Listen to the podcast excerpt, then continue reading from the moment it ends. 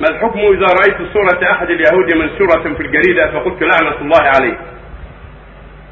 لعنة الله المعين فيها نظر. قل لعنة الله اليهود والنصارى. أما لعنة المعين بعض أهل العلم لا يجيز عليه قد يسلم قد يهديه الله. فتقول لعن الله اليهود والنصارى. يكفي. لعن الله العصاة لعن الله السارقين لعن الله المجرمين. يكفي. كم ميت؟ ميت ولا لعن الله اليهود والنصارى. عموم. نسأل الله.